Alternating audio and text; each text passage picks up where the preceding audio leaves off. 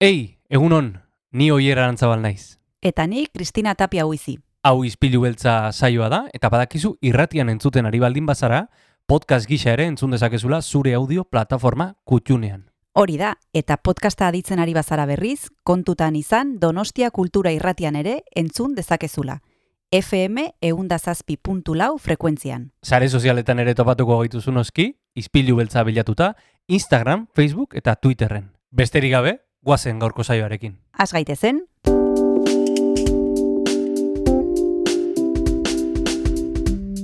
Ispilu beltza. Donostiako kulturaren berri, Oyer Arantzabal eta Kristina Tapia buizirekin. Ostirala da, eta gaur e, Euskal Herriko eskola eta ikastola guztietan egongo dira kantatzen e, ostirala iritsi da. Ostirala iritsi da. Oso zabaldu da dagoa besti hori. bai, zure txean igual momentu Eh, hontan. Benito, eh, harritu ninduen, lenguan donostian egon nintzen, eta best, donostiako eskola batean ere, ostiala iritsi da kantatzen ari ziren. Bueno, haizu, eh, arrotasun bat zarostar bat entzat, hori izan beharra dago, ez? Eh, kanta, eh, kanta hori zarautzen sortu zen. Ostirala da, eh, hori da laburpena, ostirala Bai. da, eta hemen gaude Donostia Kultura Irratian, izpilu beltzarekin.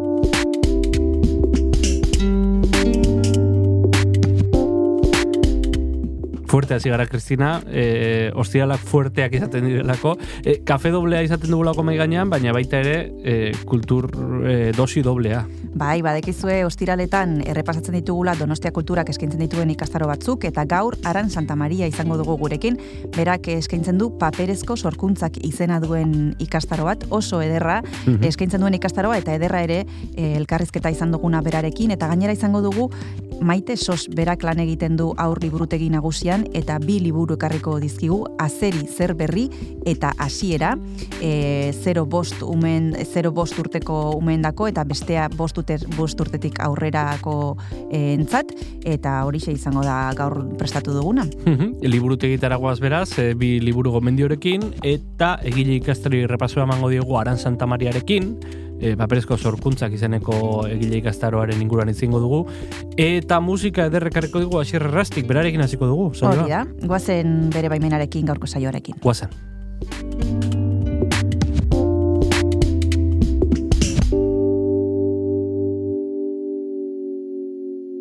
Egun honen zule, zer modu zotxaiak hogeita lau ostirala, eta ostiraletan, ez dakizuek, baina nik behintzat sumatzen dut airean edo giroan nolabaiteko postasuna ez da. E, naiz eta, bueno, agian zubazaren e, bihar edo etzi lan egin behar duzun horietako bat, ba, giroan behintzat alaitasuna eta eta azkenean astea bukatu den sentsazio hori ez, transmititzen eta kontagiatzen duelako jendeak. E, batira, gaurkoan, e, ispilu beltza saioari hasiera emateko, atzera begira jarriko gara, izan ere, Imanol Lartzabal artistak e, mila bederatzireun eta irurogeita emeretzi garen urtean, sentimentu ez auspoz izena zuen albumean kaleratutako zure askatasunagatik entzutera goazelako.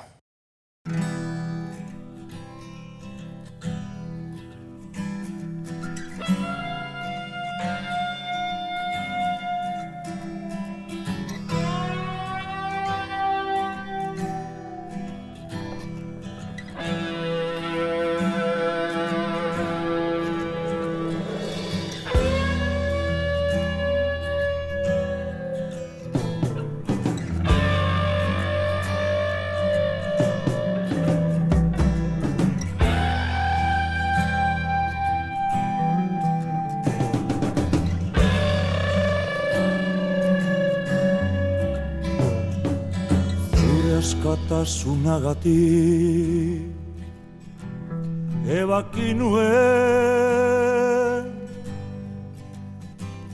Ebaki nuen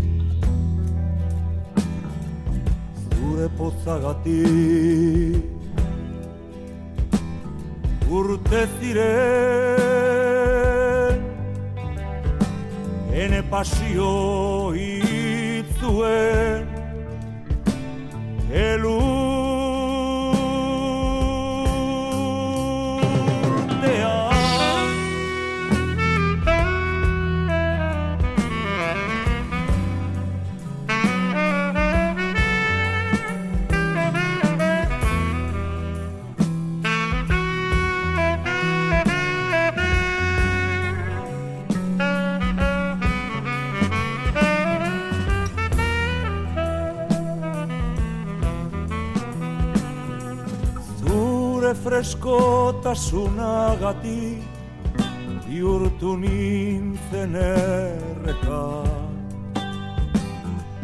Zuregatik bakarrik korritzen du mundua. Eta maite ditu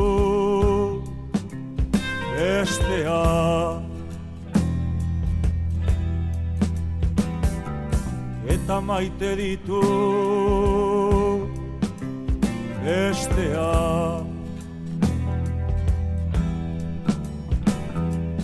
Zuregatik bizten du esperantzaren galda.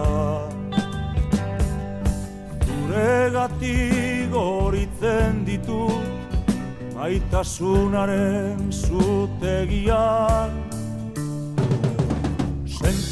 Where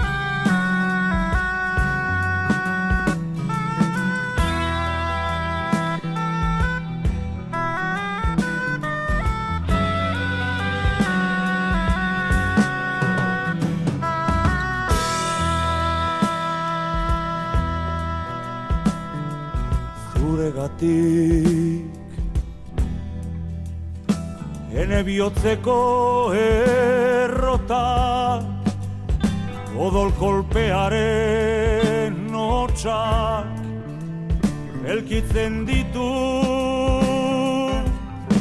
Ene pozak Zuregatik Ene bihotzeko errota kolpearen notxa Elkitzen ditu Ene poza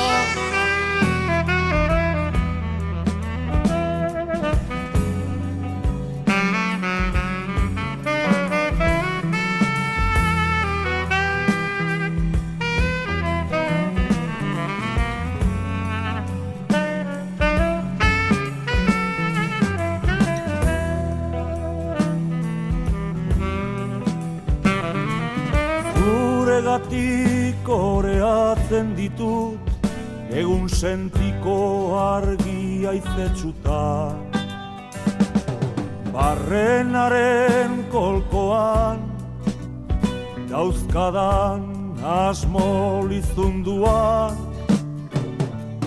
Zuregatik Tutitu ditut zuregatik Herriro ere.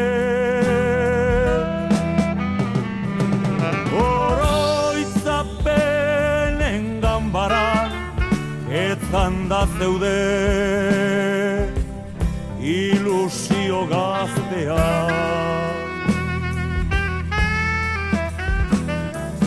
Zuregatik maitea Zuregatik akarri Oroitzapenen ganbaran Etzan da zeude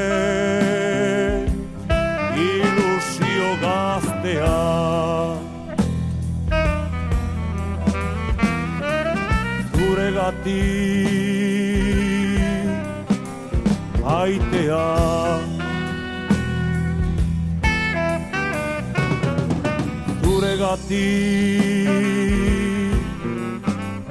bakarri.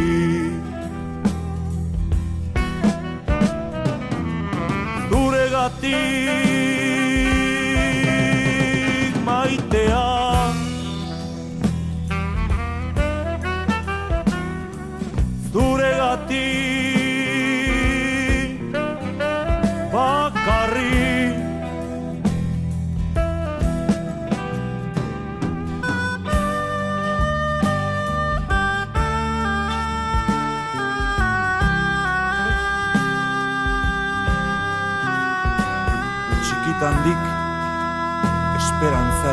izaten. Ametsik ez egiten irakatsi zuten.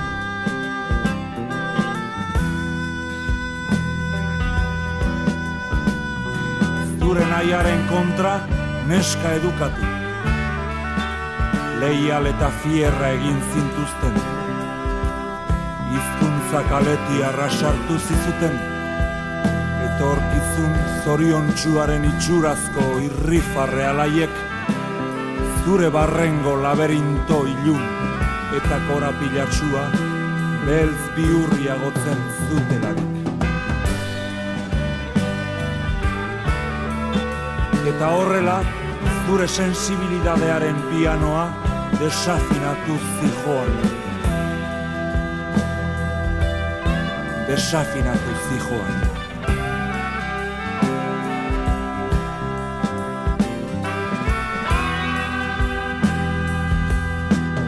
Batean, armaitza eta sagar pepitak zertziren erakutsi nizun. Kukuaren kantua bereizten. Kutsak, hormak eta lanabez zaharrak begiratu, ikutu eta maitatzen.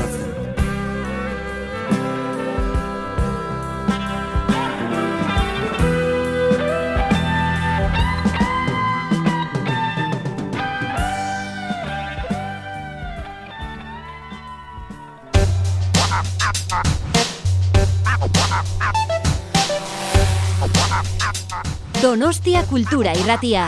Zabaldu gurekin Donostialdeko kulturaren leioa.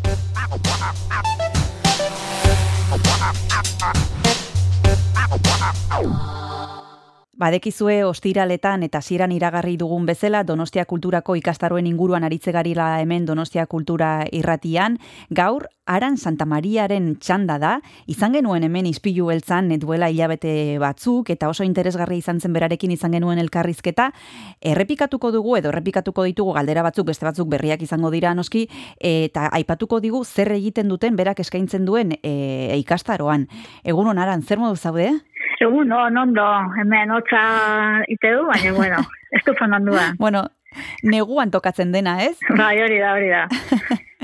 bueno, eh, hasieran es, esan dugun bezala, ez zuk eh, ikastar bat eskaintzen duzu paperezko sorkuntzak izena duena Donostia kulturan, eh, aurrekoan aipatu zenitun gauza batzuk, eta norbaitek ez balu eh, bere garaian elkarrizketa ura entzun, ba, guazen errepasatzera pixka bat zer egiten duzuen bertan. Aran, eh, zer ikasi aldugu ikastar horretan? Bueno, ba, paperezko sorkuntzak izenburua duen taierrontan, ba, bueno, em, badaude, be, behatzi zaio izango ja. Orduan, ba, pentsatu ditut, ba, ariketa batzuk, zaio horietan, ea nolain batzuk igual lusatuko ja, o moztuko ja, o aldatuko ditugu, baina, bueno, gutxi gora bera, azteko, hola uste, ze mendik hilabetea da, eta orainik igual aldatuko, ez, baina, bueno, gutxi gora bera ze ariketa, ingo deu diorama bat, Diorama bat da, e, hola, antzerki antzeko paperezko kaja bat, ez? Eta Aha. kaja hori eraikiko dau, eta gero kaja horren marruan, e, pues ingo dau, estenatoki moduko zerbait, estena bat, agian gai bajarriko deu, edo pixka libre izangoa. Hori izango da, ariketa bat. Gero, beste bat, adibidez, pertsonaia artikulatu batzuk.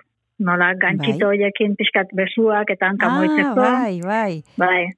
Bueno, ba, Marioneta modukoak edo... hori da, txontxongilo antzeko zerbait, ba, da, ez, da. ez da sokakin da moituko, baina, bueno, Mm. izango da pixkat hola zoze, baita ere, ba, pixkat paperaren inguruko, papera eta kartoian inguru, eta asko lotzen den nere lana kolaxarekin, orduan, pues, Mhm. igual inditzazkegu bai pertsonaia, ba, persona bat, eh, hankak eta hola, baina adibidez igual okurritzen zaigu, ba, animaliak nahi ditugulain, edo etxeko tresnekin zerbait, oze, ba, igual, surrealismotik ere, pues, ingo ditugu.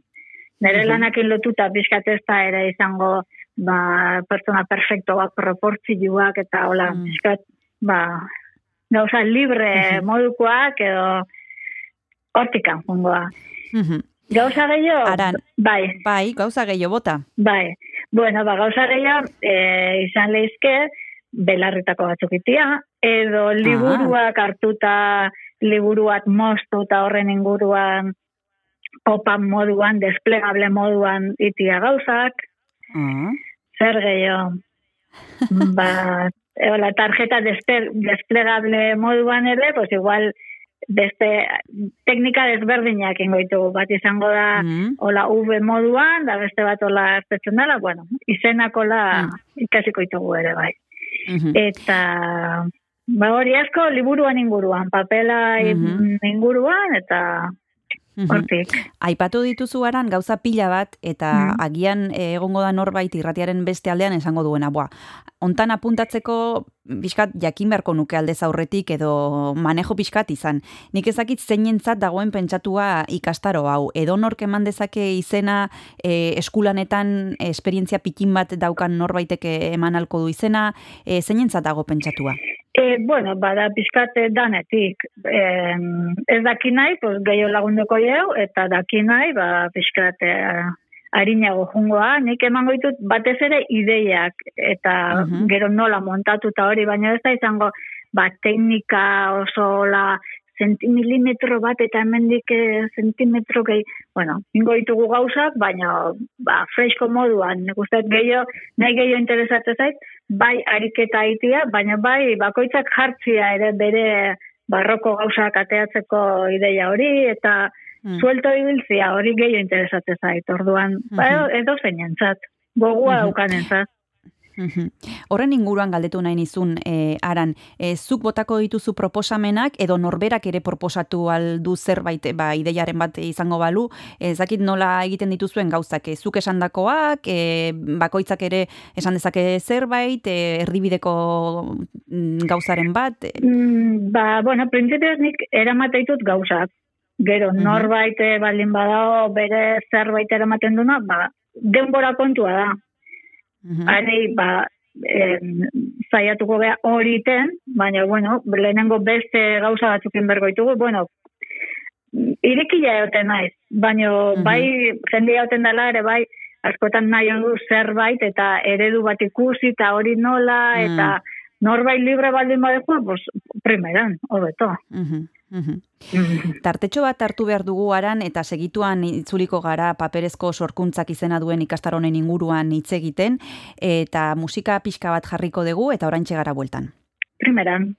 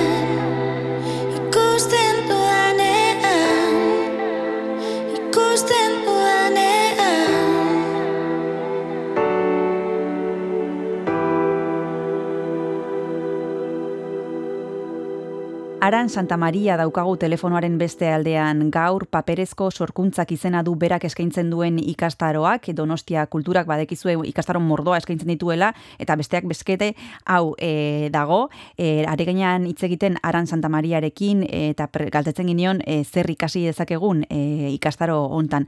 E, Aran aipatu dugu zeinek eman alduen izena, zer ikasiko dugun, eta jakineko genuke e, baita ere e, materiala e, norberak eraman behar duen, bertan dagoen, eta gero etxean egin behar dira gauzak, edo bakarrikan e, zurekin daudenean, nola antolatzen dituzu gauza horiek?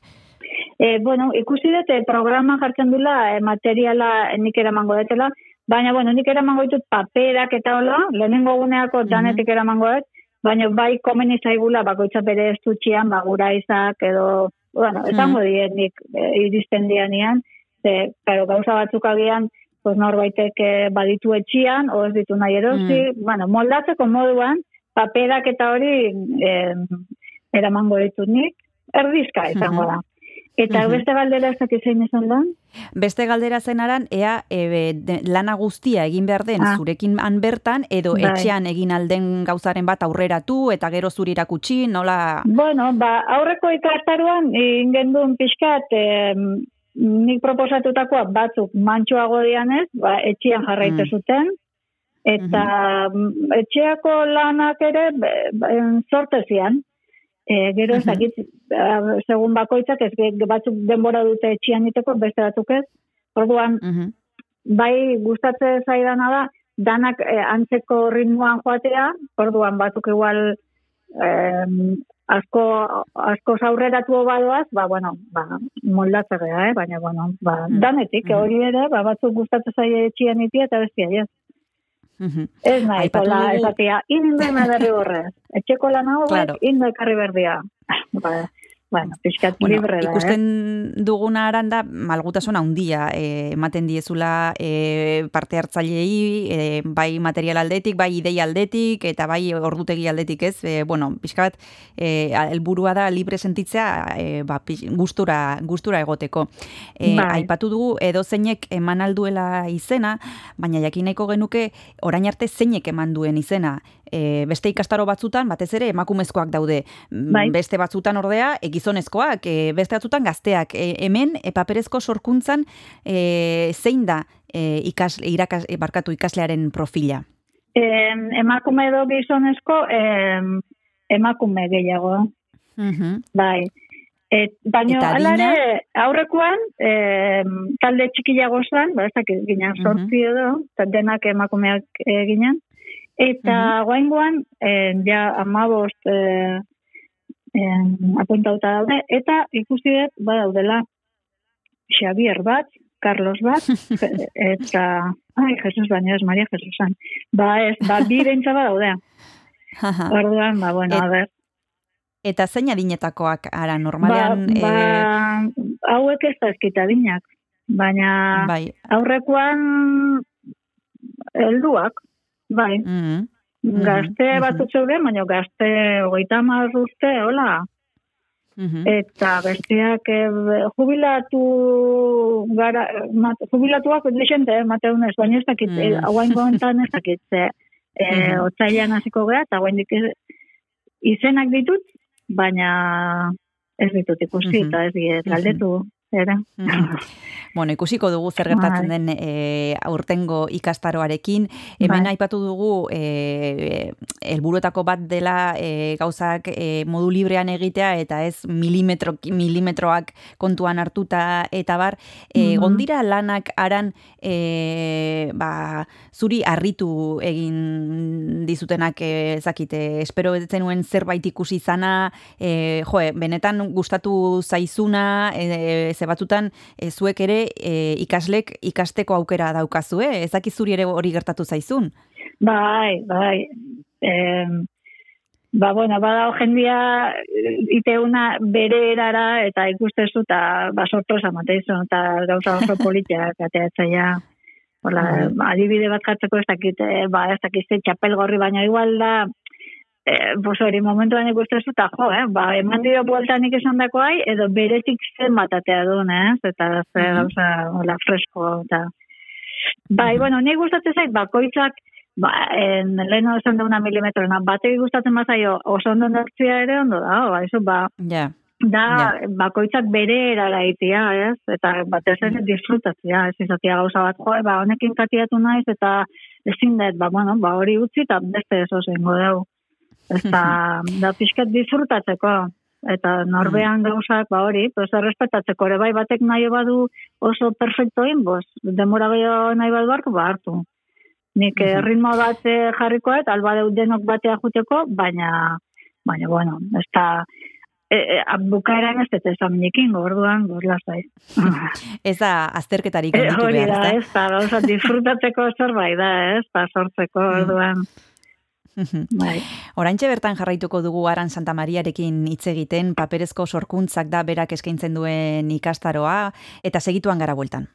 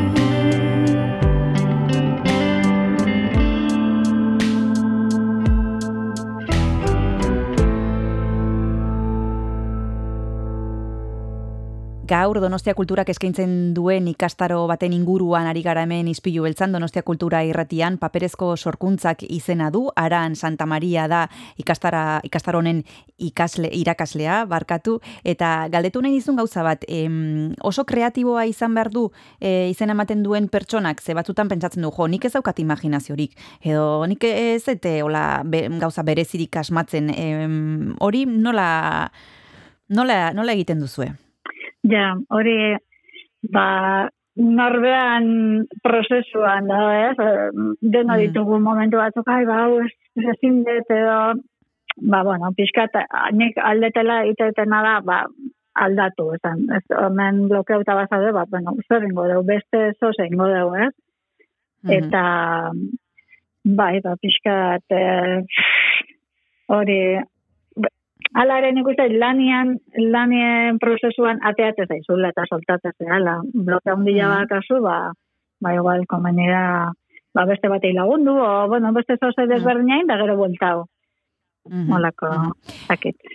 Hemen helduekin e, lan egiten duzu, baina esperientzia badaukazu e, aurrekin ere bai, en, diferentziarik nabaritzen duzu bi taldeen artean. E, nik ezakite aurrek e, modu naturalean sormen hori baduten eta gero urteekin pixkanaka denok galtzen dugun zerbait den. Ezaki iruritzen zaizun. Mm, Bai, bueno, zentzua daka, baina, Mm. bueno, eh, beste arlotan bezala, pentsatzen, ba, Mm.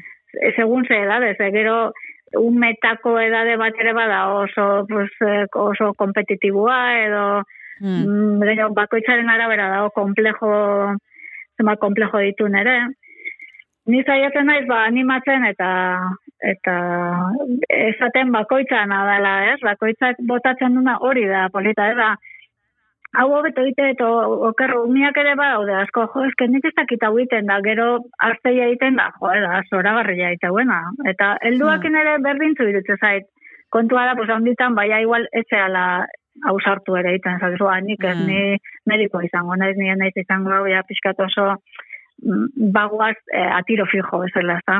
Bai, bai. Eta Bai. autozentzura ere bai praktikatzen Bai, dugu batzutan, ez? bai, Pentsatzen bai. dugu aldez aurretik ezingo dugula egin eta ez dugu egiten. Ni hontan oso txarra naiz, ez? Adibidez, ni Mm, fakturetan eta ezak ez eta jo, oso txarra naizen da, askotan da, neu jartzen diot karga, ez? Ba, Gauza Mm. asko norbeak jartzen dio karga, bai. Mhm, Hala da, alako, alako xiadea, komplejuak eta, bai. ze zaila den batzuetan konplejoak gainetik e, kentzea. Nik dut ikastaro honekin e, pila bat ikasteko aukera daukagula, e, ba, esan bezala Aran Santa Mariak askatasun osoa ematen duelako, ba, norberak bere ritmoan, norberak bere ideiekin, eta bueno, bere prozesua bizitzeko aukera ematen duela. Aran, ez du beste gauza batzutan ere e, ibilitakoa zara, eta ibiltzen e, zara, e, kontatu pixka bat e, zertan zabiltzan oraintxe bertan e, Donostia Kulturak e, eskaintzen di- duen ikastaron taz gain.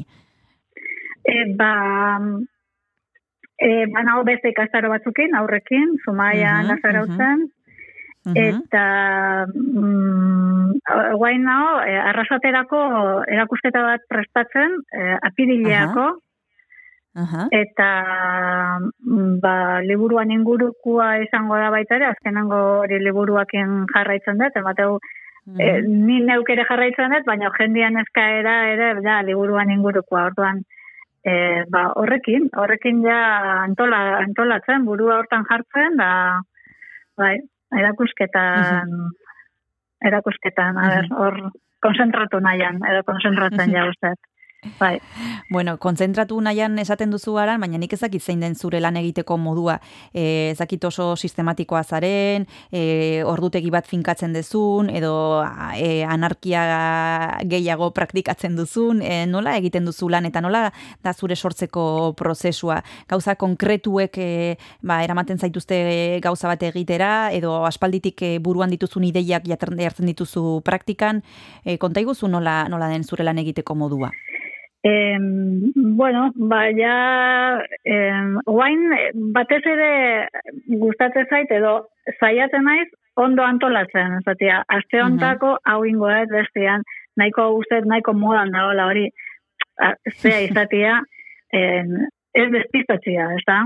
Mm, mhm. Eta, bueno, batzutan despistatzen naiz, e, ba hori, em, alde batetik, ba hori, sortzaile geanak gauza txikitan despistatzeko joera hori deulako, baina, bueno, e, azkenengo biten nahi naiz, ba hori, igual hartzet zerbait, eta esan, bueno, ba, hau, hau ingoet, konzentratzen naiz hortan, da, denbora izaten dara, ba, ez ez, karo, ez dakat denbora osua erakusketan pentsatzeko, Claro. gauza pila claro. claro. daiteko, ez da?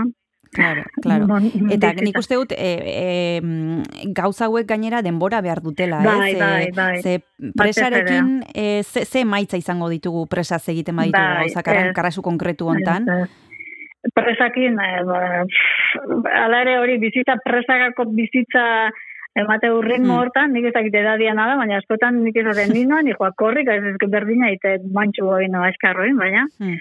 ba hori. Baita ere hori, nik uste dela eh, habitación propia Virginia Woolfen ondoren, Hmm, eh, et, et, tiempo propio, ez, eh, denbora. bai, Denbora da Bai. hain beharrezkoa gauzakiteko. bai. Ez, bai. jo, Eta ba, kasu sortzeko hontan, denbora asko behar dezu. Eta gero da hori antolatzeko, nahi. Eta za- nahi behintzat, gertatu zait, ba, ber, hau an, antolatu dut, daukatela apirileako erakusketa hau. Baina, urren urteako zoz ere beharko, de, lotu, eta Hmm. ez bada diate deiten nik deitu berde, orduan lan asko sortzen da claro, sorkuntzaz aparte.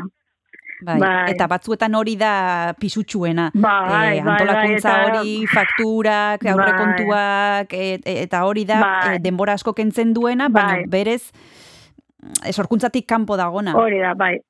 Hori da. Mhm. hori ekilibra Mhm. guen berda, edo. bai. Bai, hola, izango zen nere dezigua, pues hori, beste norbait ekitzia guzti hori, ez? Baina, bueno, ez gira beratzak orduan dena emberregu. Bai, Bai. bai. Eta gainera gero beste gauza bat, eta honekin mm, bukatzea gustatuko litzaiake aran, eta da, e, batzuetan pentsatzen dugula e, denbora eskatzen duen e, hori dela, e, ba, justo e, eskuekin lanean ari garen momentu hori, baino gero e, hortara, hortara iristeko aldez aurretik pentsatu in behar da, eta pentsatzeko ere denbora behar dugu, ez? Bai, inberda pentsatu, ba hori konzentratu pentsatu, eta gero pentsatzen desun hori probatu. Probatu eta konprobatu. Eh, Mhm. nahi esan, nik dakat idea bat etortzait, ah, ba, botella baten barruan jarrikoet, eh, laneta batzuk, eta, hori, hain naiz esaten, ze guantxe parian dazkat. Baina hori probaten behar duzu, eta igual ze ari erabiliko eta erabiltzezu ari bat, eta ba, hori oso basto behatzea, orduan beste bat Mm. fina bilatu behar duzu. Bueno, gauzeta iristeko prozesu bat eh, pasa behar da. Gero igual beste egun baten gauza simple bat dola esan duzu, wow, ostra, hemen da, oh, ja, Mm. atzea da. Mm. Baina, bai, denbora asko behar da, eta probaten, bera? Gauza probaten dira. Bueno, ba, gauzak probatzeko Mm. eta pentsatzeko aukera ematen du Aran Santa Mariak paperezko sorkuntzak izena duen ikastaroan. Eskerrik asko gurera hurbiltzeagatik eta bezarka da handi bat, urrengor arte. Bale, zue, bezarka bat. Aio. Aio.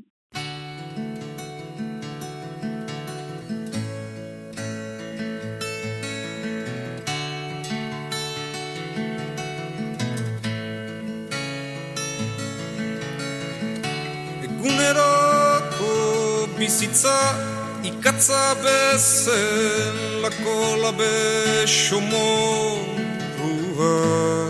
isurtzen hasi zenean.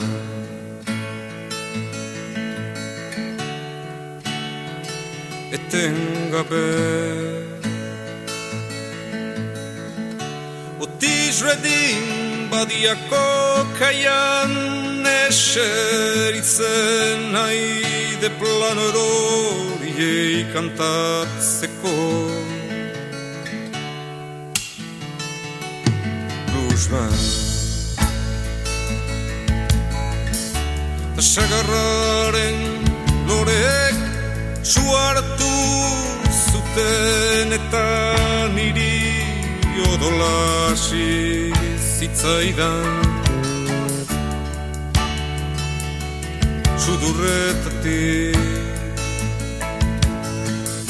Baldosa xuriko komuna publikotan pornografia irakurtzen ari nintzen ian de de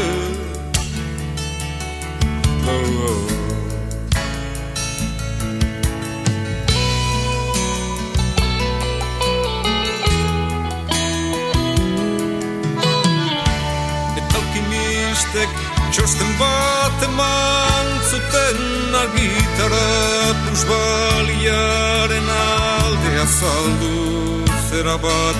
Eta errestaurantetik bi homosexual bota zituzten.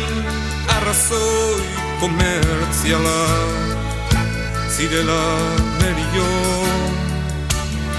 zirela merio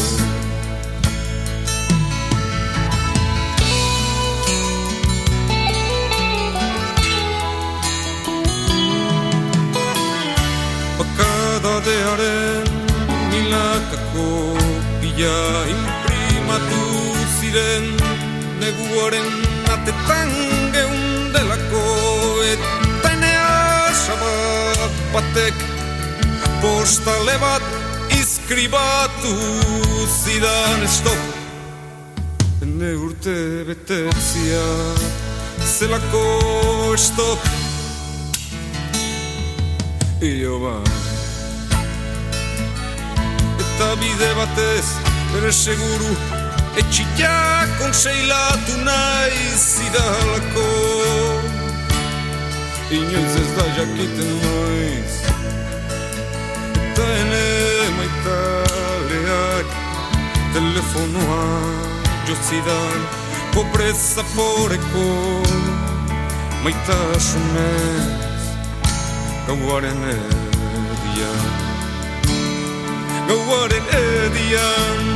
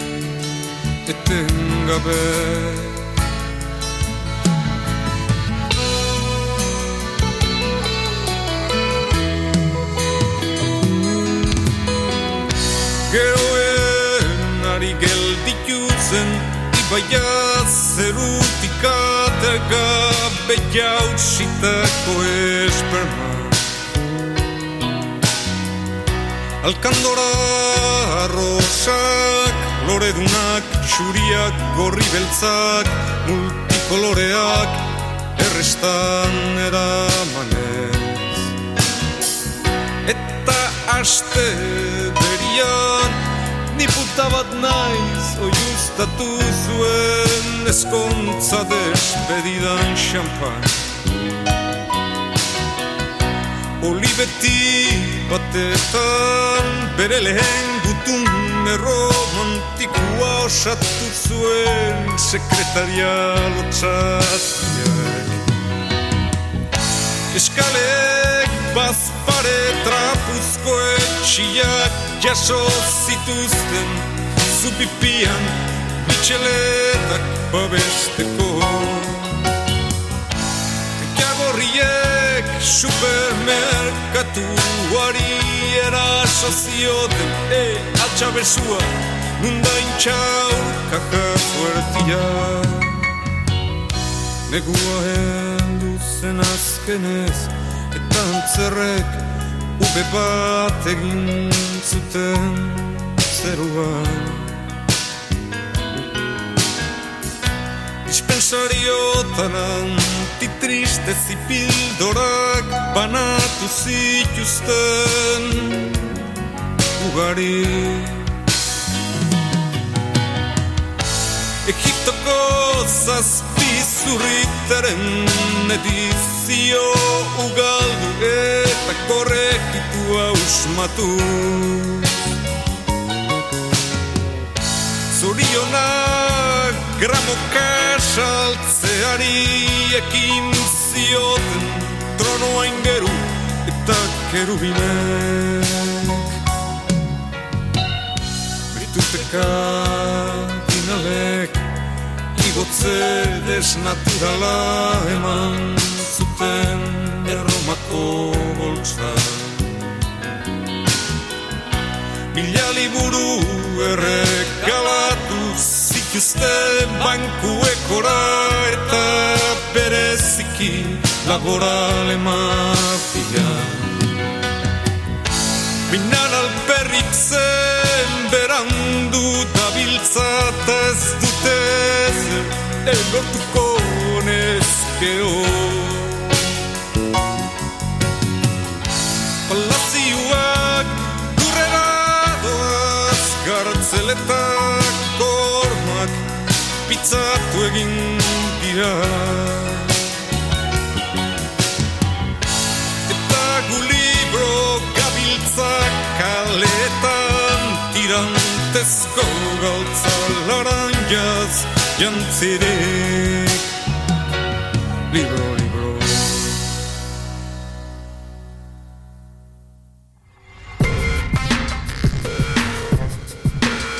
Donostia Kultura Irratia, Iriko eta Aldirietako kulturaren leioa.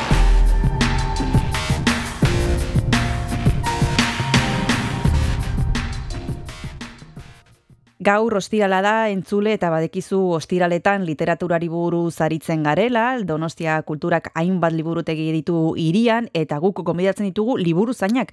Ze beraiek e, ba, gomendio izugarriak egiten dizkigute astero astero eta gaurkoan Maite Sos daukagu gurekin liburutegi nagusiko aursaileko, bueno, langilea da, liburu zaina da eta gaur bi liburu eh, ekarriko ditu. Batetik azeri zer berri izena duen eta bigarrena izango da hasiera izena duen e, liburua. Egunon maite zer modu zaude? Egunon, Kristina. Oso ondo, pozik, zurekin. Oso ondo, ba, gu ere pozik, zezuek beti ekartzen dituzue gauza oso interesgarrieak, kasu hontan ekarriko dituzu bi liburu, aurrendako bi liburu, lehenbizikoa, okerrez banago maite da, 0 bost urteko aurrentzat azeri zer berri izena du, eta ez dakit zer kontatu dezakezun liburu horren inguruan, zergatik aukeratu duzu lehenbiziko gauza? Hori da, hau txikitxontzako liburu bat da, kartonezkoa da, eta aukeratu dut, em, ba, hoxe, txikien asko gustatzen zailako, eta oso gomendagarria iruditzen zaidalako. Mhm. Zein da bertan kontatzen den historia, e, bueno, e, pixka, Bai. sinopsia edo e, e, esan, esan badezakegu, ze, zein izango litzateke? Bai, ba, bosta azeri txiki dira, e, Mhm. eta bi urri dabiltza elurretan jolasten. Eta orduan mm dira bueltak ematen e, gurpiz batean bezala. Orduan Mhm. txikienek asko disfrutatzen dute, ze, e, bueno, azeko e, esaldiak errepikakorrak dira, eta ho- horrek Mhm. ere beraie laguntzen die, daukate horrelako erritmoa, errima moduan, eta gero e, horri bakoitzean azeritxo bat desagertarazten dute. Mm. Osea, mugitzen da azeri txiki bat. Mhm. Eta, bueno, ba, hori txikien nahi asko gustatzen Mhm. zaie. Gero, amaieran, bost, bost ziren hasieran. Eta amaieran ja, ez da zeririk gelditzen. Mm. Eta orduan danak daude amatxoren magalearen, magalean eskutatuta. Mhm. Aipatu behar dugu liburu hau e, atelier sajek egindakoa dela, Ibaizabal argitaletxean aukera e, aurkitzeko aukera daukagula, eta nik hemen parean orain daukat azala, eta ederra da, kasu hontan e, aurrendako liburuak direnean e, maite, azalak ere, eta ber, barruko marrazkik eta garrantzia handia dute. Nola, nola deskribatuko zenituzke irudiak liburu hontan? Bai, noski, eh, gainera, adibidez, album hontan, azkenean irudiak dauka mm, garrantzia hundinetarikoa. Mm. Ez zuk esan Mhm. duzun bezala da atelier zaz eh, es, estudiokoa, Mhm. eta hauek egiten dituzte azkenean aurrentzako liburuak. Mhm. Em, ilustratzailea dira, aurretik badaukate antzeko beste liburu bat deitzen dela boskotea oean, Mhm. Eta, bueno, irudi aldetik esaten digantzuna, ba, azkenean dira irudi nahiko simpleak, Bai. e, koloreak nahiko leunak, Mhm. e, e, gama aldetik ere ez daude kolore asko, dauka Mhm. laranja, krema, txuria eta urdin nahiko leuna, eta horrek ere txikiei laguntzen die. Horrela nahiko suabeak direla. Bai, e, simplea baino ederra aldi berean, eh, maite? Ezik, Bai. ni- nik barrutik ez dut ikusi, baina hemen azala, esan bezala, parean daukat, eta e, hola, ez da oso komplikatua marrazkia, baino efektiboa da, eh? E, oso polita da, naiz eta trazoak izan oso, oso gutxi, eta nahiko simplea, baino simplea ez zentzu txarrean, baizik eta, ba, bueno, e, ez dauka gauza hundirik, baino oso, oso ederra da emaitza. Hau da, maite sosek gomendatzen digun e, liburuetako bat, azeri zer berri, esan bezala atelier sasek e, egindakoa, eta ibaizabal argitaletxean daukaguna, eta baita ere e, norbaitek nahiko balu e, liburutegetatik hartu, ba, aukera hori dauka. Maitek esan digu 0 eta bost e, arteko, urteko arteko umentzako e, dela, tartetxo bat hartu behar dugu, eta horretarako maitek badaki, naiz eta berria izan, gaur bere lehenbiziko eguna izan, abesti bat eskatu behar dio dala, eta nik ezak ze pentsatu duen tarte ontarako. Maite, ze partekatuko dugu entzulekin?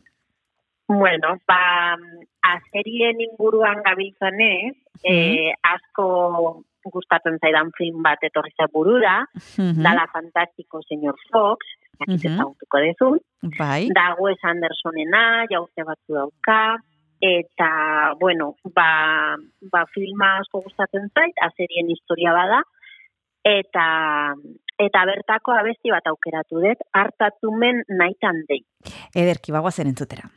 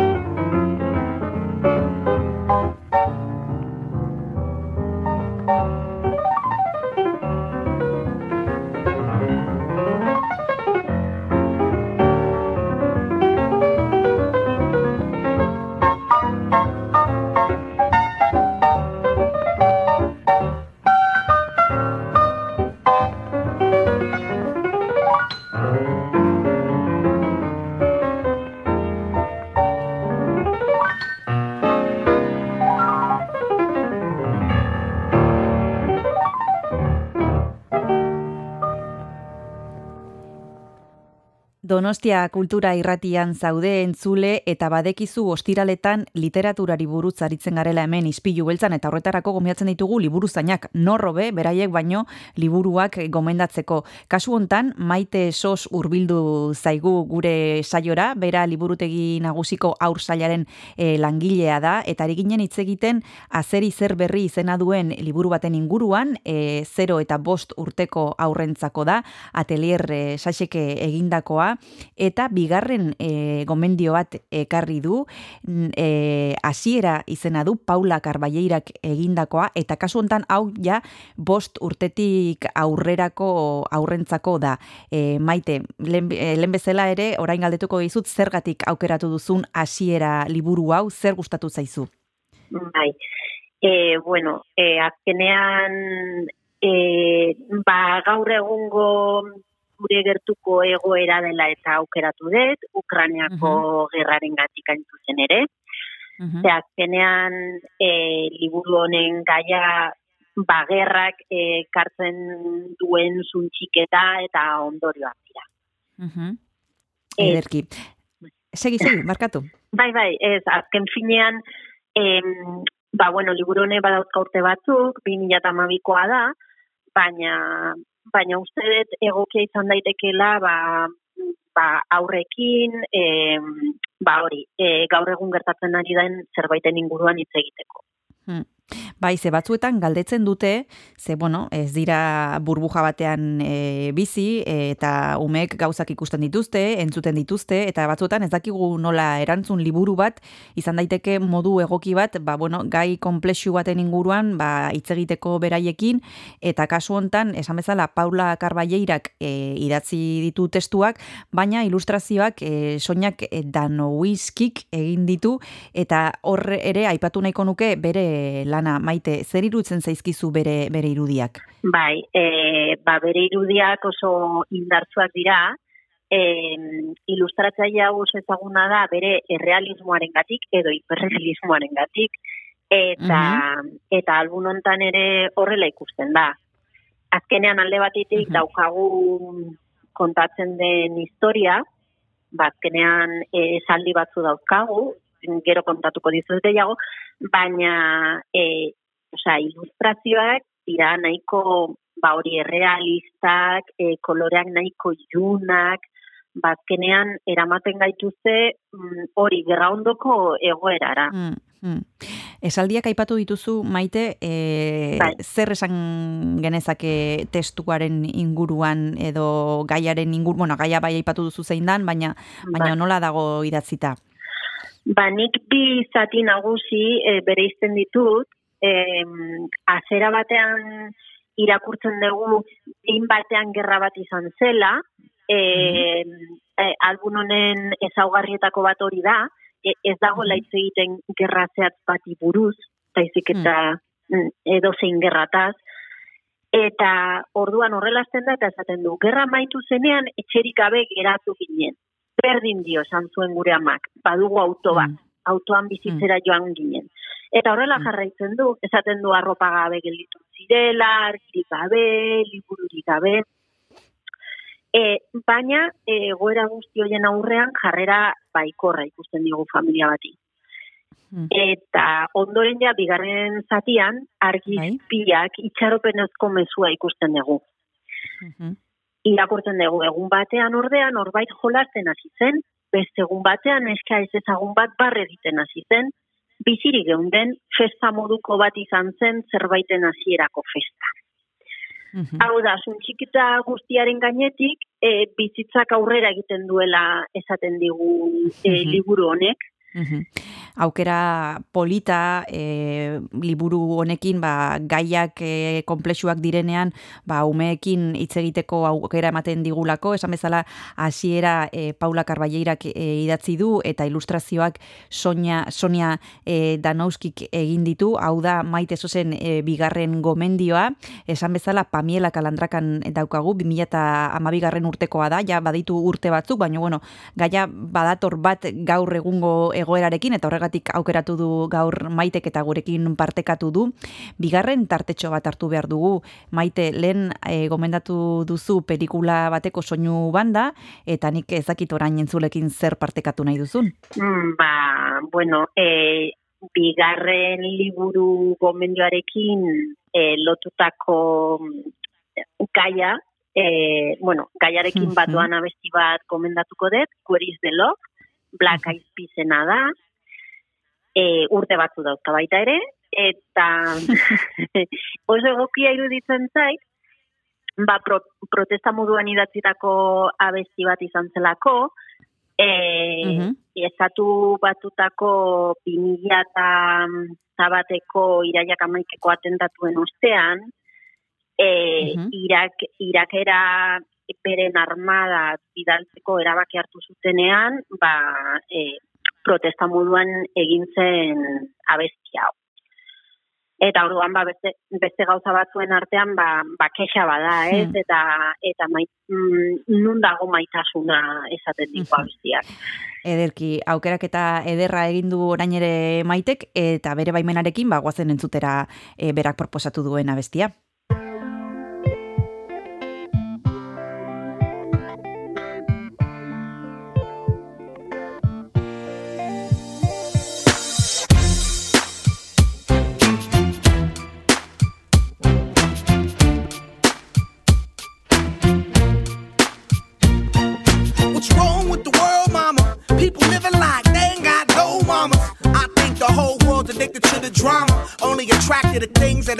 Trauma.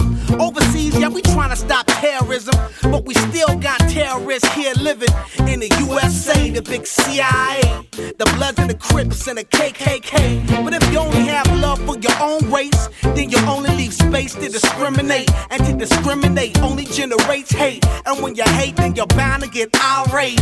Yeah, madness is what you demonstrate. And that's exactly how anger works and operates. Man, you gotta have love just to set it straight. Take control of your mind and meditate. Let your soul gravitate to the love, y'all, y'all. People killing, people dying, children hurt and you hear them crying. Can you practice what you preach and would you turn the other cheek? Father, Father, Father, help us send some guidance from above. These people got me, got me questioning.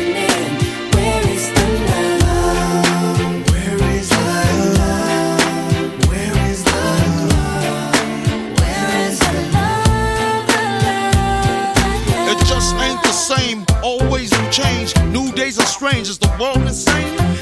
Love and peace is so strong, why are the pieces of love that don't belong? Nations dropping bombs, chemical gases filling lungs of little ones with ongoing suffering. As the youth are young, so ask yourself, is the loving really gone? So I could ask myself, really, what is going wrong in this world that we living in? People keep on giving in, making wrong decisions, only visions of them dividends. Not respecting each other, denying thy brother. A war's going on, but the reason's undercover. The truth is kept secret, it's swept under the rug. If you never know truth, then you never know love. Where's the love, y'all? Come on. I don't know. Where's the truth, y'all? Come on. I don't know. Where's the love, y'all? People killing, people dying, children hurt and them crying. When you practice what you preach and would you turn the other cheek? Father, Father, Father,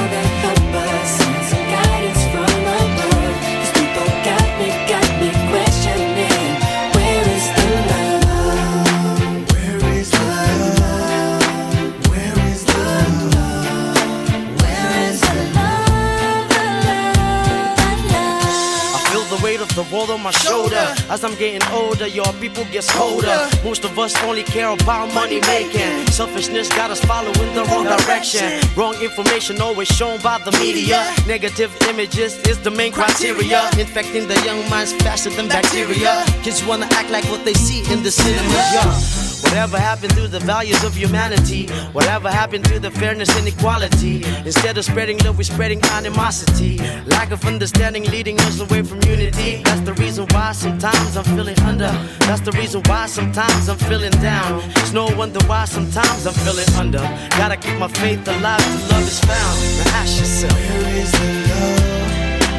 Where is the love? Where is the love?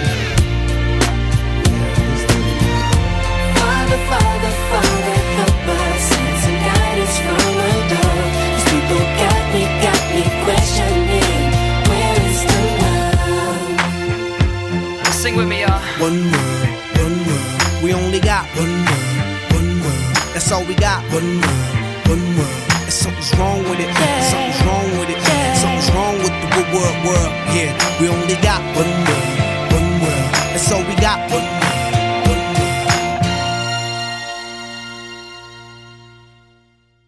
Izpilu beltzan gaur literaturari buruz ari gara eta horretarako gonbidatu dugu Maite Sos e, bera liburu zeina da, liburutegi nagusiko aur saileko liburu zaina eta hain zuzen bi liburu ekarri dizkigu gaur, batetik azeri zer berri, atelier e, sasek egindakoa, 0 eta bost urteko aurrentzako eta bigarrena justu oraintxe bertan ari ginen horren inguruan hitz egiten hasiera e, izena du bigarren aukerak, Paula Karballeirak eta Sonia Danouskik e, egindakoa, 2000 eta garren urtekoa da, eta gerra du izpide, baina bueno, azkenean maitek esan digu eh, esperantza ere eh, badaukala eta itxaropena ere bertan agertzen dela. Kasu hontan bost urtetik aurrera e, dituzten entzat, izango litzateke bigarren liburu hau, hasiera. E, maite, e, umek e, liburuak aukeratzen dituztenean, zu hor esperientzia handia daukazu, e, zertan fijatzen dira? E, testu gutxi izan behar du, irudietan jartzen dute fokua, nola ikusten dituzu? E, apaletan daudenean liburuak, beraiek ze- zertan fijatzen dira gehien bat? Mm, Bueno, e, txikitxoenak bai irudietan eta mm, Eta gero Mm. ja, ba, mm, ba, ez daki zazpi urtetik aurrera, edo, hor ja, mm, irudiak nahi dituzte baita ere, baina agian ba, ba bildumak ere gustatzen Mhm. zaizkie, edo, edo komikiak, Mhm. Hemen, ekarri dituzu bi liburu, bi proposamen, eta bai, e, sailkatuta daude, e, bost urtektik e, azpikoentzat eta hortik e, gorakoentzat, eta nik ezakit batzuetan e, gehiegi fijatzen otegaren edo kasu gehiegi egiten diegun sailkapen horri ez, e, e, ari pentsatzen ja irakurtzen duten e, aurrek eta, e, bueno, zehatz mehatz hartu behar dugun hori irizpide bezala edo malguak izan gaitezken gurasoak ere. Bai, azkenean e, gomendio bada, e, baita ere e, garrantzia dauka ba, ba aurrak e, zenbat irakurtzen duen, e, ze gaitasun daukan e, historia ulertzeko, gero ere historiaren sakontasuna, adibidez hau, e, az, e, hasiera albuma, Bai? e, gu daukagu bost urtetik aurrera, baina baina agian bost urteko aur batzuentzat e, zaila izan daiteke, edo edo i- agian ez zaila interesatzen, eta zazpi urtekoek hobeto ulertu dezakete. Hori, hori, hortan nik uste pixka bat malguak izan behar garela ere, bai. Ba, esan bezala hemen e, gomendioak jartzen dituzte bai e, argitaletxeek eta bai liburu zainek, baina bueno, gero en, batez ere gurasoek ezagutzen dugu ba, ze puntotan e, dagoen aur bakoitza eta horren arabera ere guk ikus dezakegu zer izan daiteken ulergarriagoa edo zailagoa.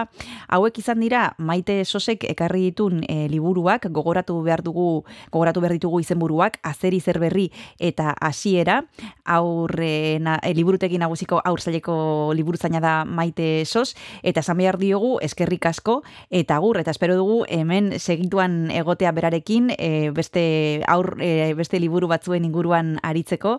Maite mila esker eta besarka da bat urrengor arte. Eskerrik asko zuri, Kristina, laizter arte. aio. Jo.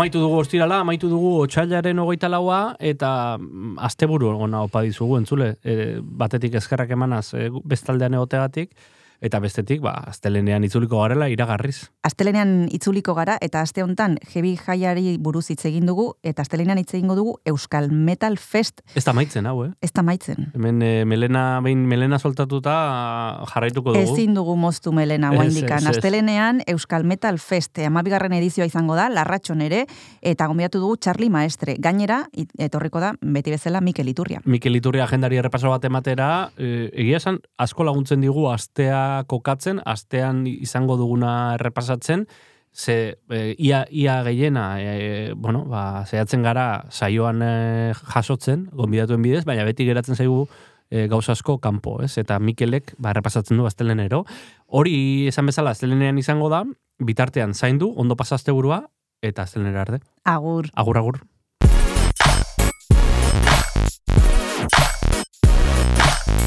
Donostia Kultura Irratia. Iriko eta aldirietako kulturaren leioa.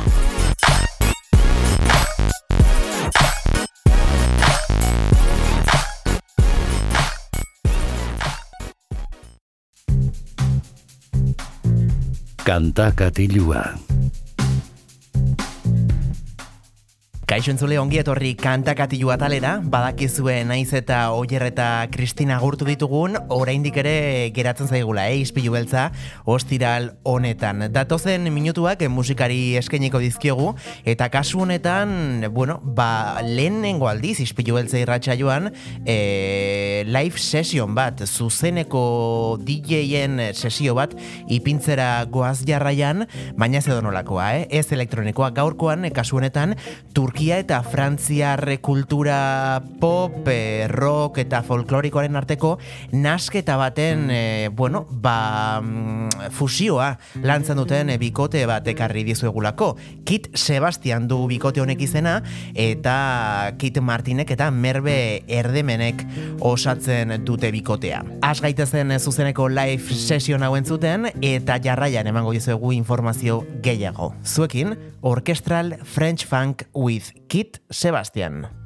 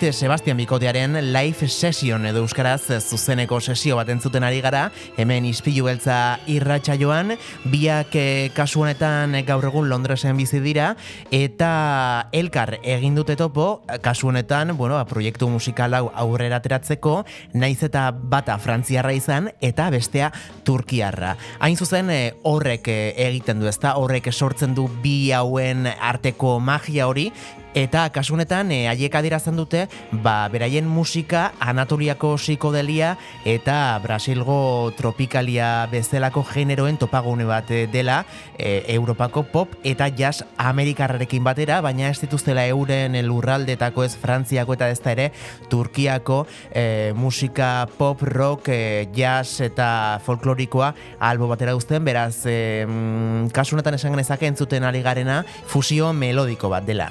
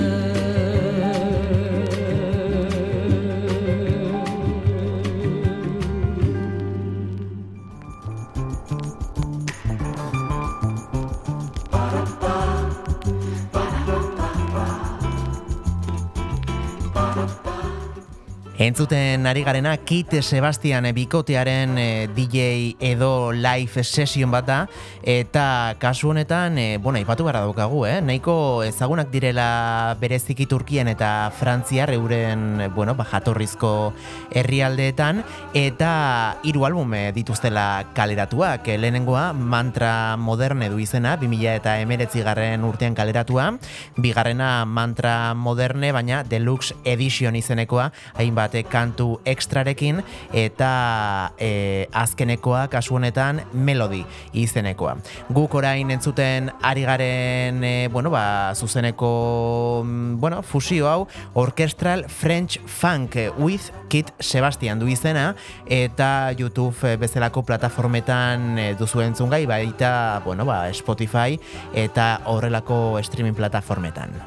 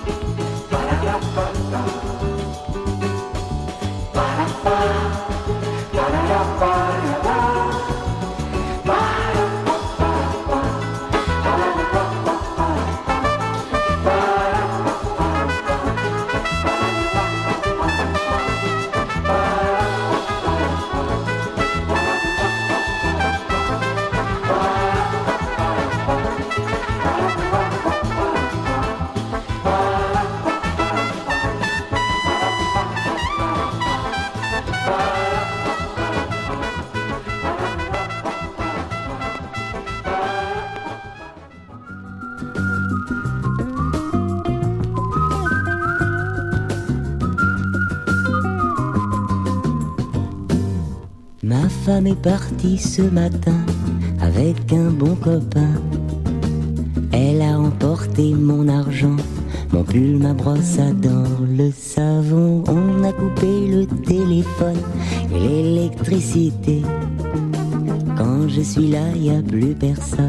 Je me suis débranché, je suis heureux. Je suis heureux.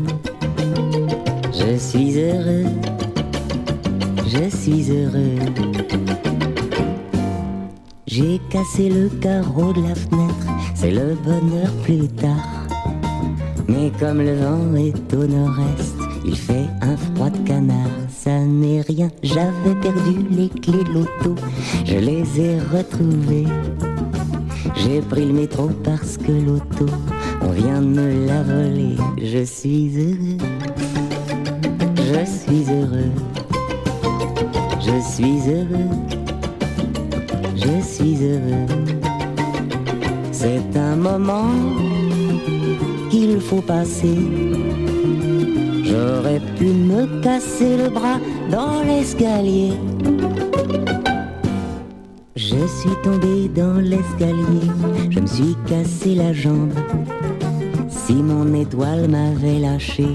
j'aurais pu me casser le nez. Je suis heureux, je suis heureux, je suis heureux, je suis heureux.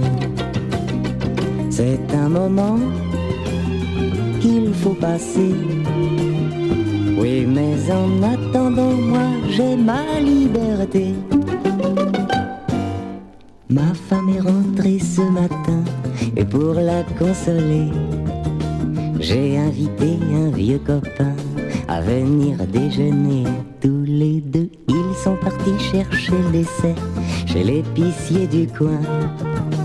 Mais comme ils sont partis hier, je commence à avoir faim. Je suis heureux, je suis heureux, je suis heureux, je suis heureux, je suis heureux, je suis heureux, je suis heureux, je suis heureux.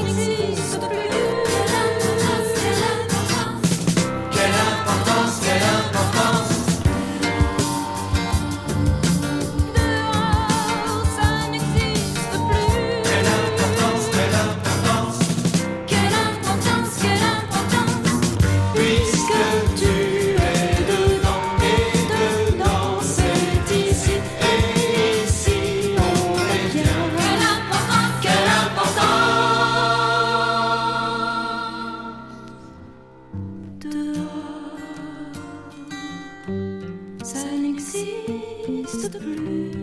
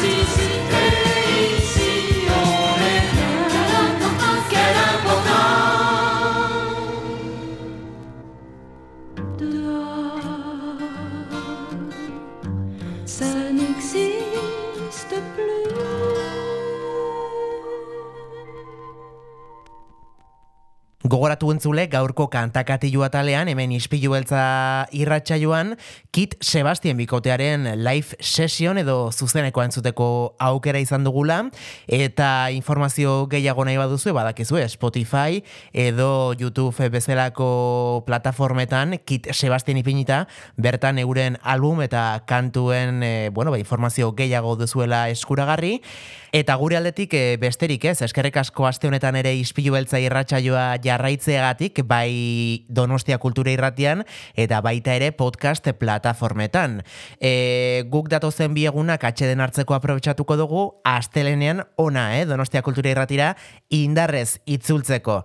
Besterik ez gozatu asteburuaz eta badakizu beti bezala, txintxo ibili. Agur!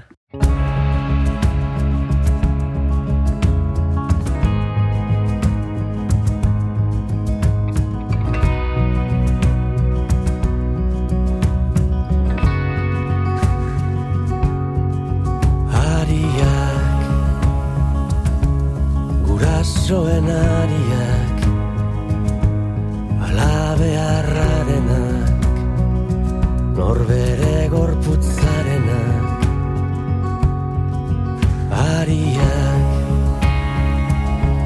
Lagun ninen ariak Beaz topatzeko